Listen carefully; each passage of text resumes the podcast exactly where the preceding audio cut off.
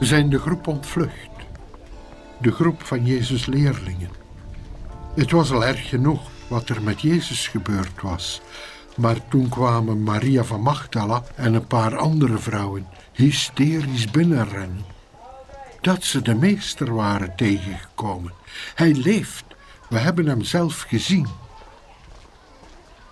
Petrus en Johannes zijn naar het graf gegaan. Het was leeg.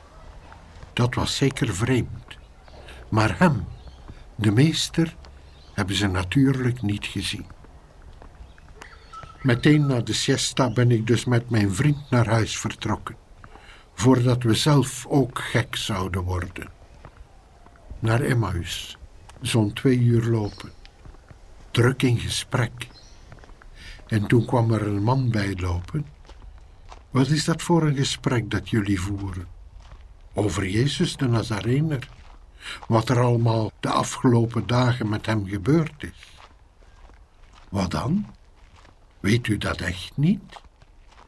En wij vertellen over wat Jezus leerde: dat God, gezegend zij zijn naam, de mensen niet opdeelde in reinen en onreinen, zoals onze leiders doen geloven. Dat ziekte en narigheid niet een straf van God zijn, maar juist een uitnodiging om te helpen. En het waren dus vooral de zogenaamd onreinen, wij dus, die zich bij Jezus hadden aangesloten. Zijn leer voelde als een verademing, een verlossing, alsof God opnieuw zijn levensgeest in onze neus had geblazen. Op dat moment drong het niet tot ons door dat die man met ons bleef meewandelen. Heel belangstellend, want als het een orthodoxe gelovige was geweest en hij had in de gaten gekregen dat wij bij die onreine Jezusgroep behoorden, dan had hij meteen afstand genomen. Maar dat deed hij niet. En wij hadden zo gehoopt dat zijn leer de waarheid zou zijn. Maar het is dus allemaal illusie gebleken. Onze religieuze leiders hebben hem gedood. En God is niet tussen beiden gekomen.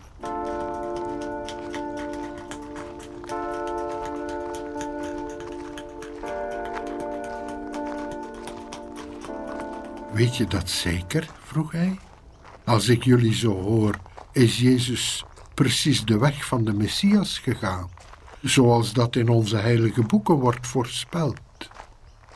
Voorspelde Mozes niet dat er iemand uit ons eigen volk zou opstaan die voor ons de weg naar God zou bereiden?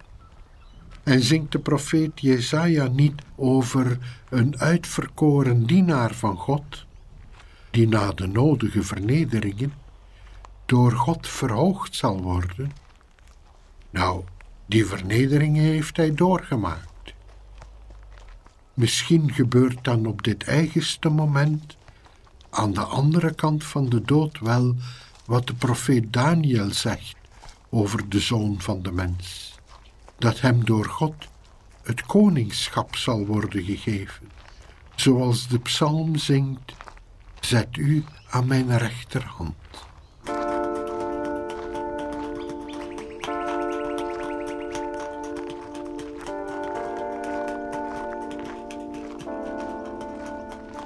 En nog drong het niet tot ons door dat deze man de schriften uitlegde, zoals Jezus dat altijd gedaan had. Intussen stonden we bij mij voor de deur. Gun mij de eer u uit te nodigen onder mijn dak. Nee, nee, ik moet verder. Maar heer, het wordt al avond. En hij liet zich vermurwen. En nog drong het niet tot ons door dat een rechtgeaarde gelovige natuurlijk nooit het huis van onreinen zou binnengaan en al helemaal niet de maaltijd met ze zou delen, want daarmee liet je zien dat je tot die familie behoorde. Maar hij deed het wel, en tijdens de maaltijd nam hij zelfs de leiding over. Hij nam het brood, brak het en gaf het aan ons. Hij maakte ons tot zijn familie. De enige die dat gedaan had, was Jezus geweest. Maar die was dood. Wie was dit dan?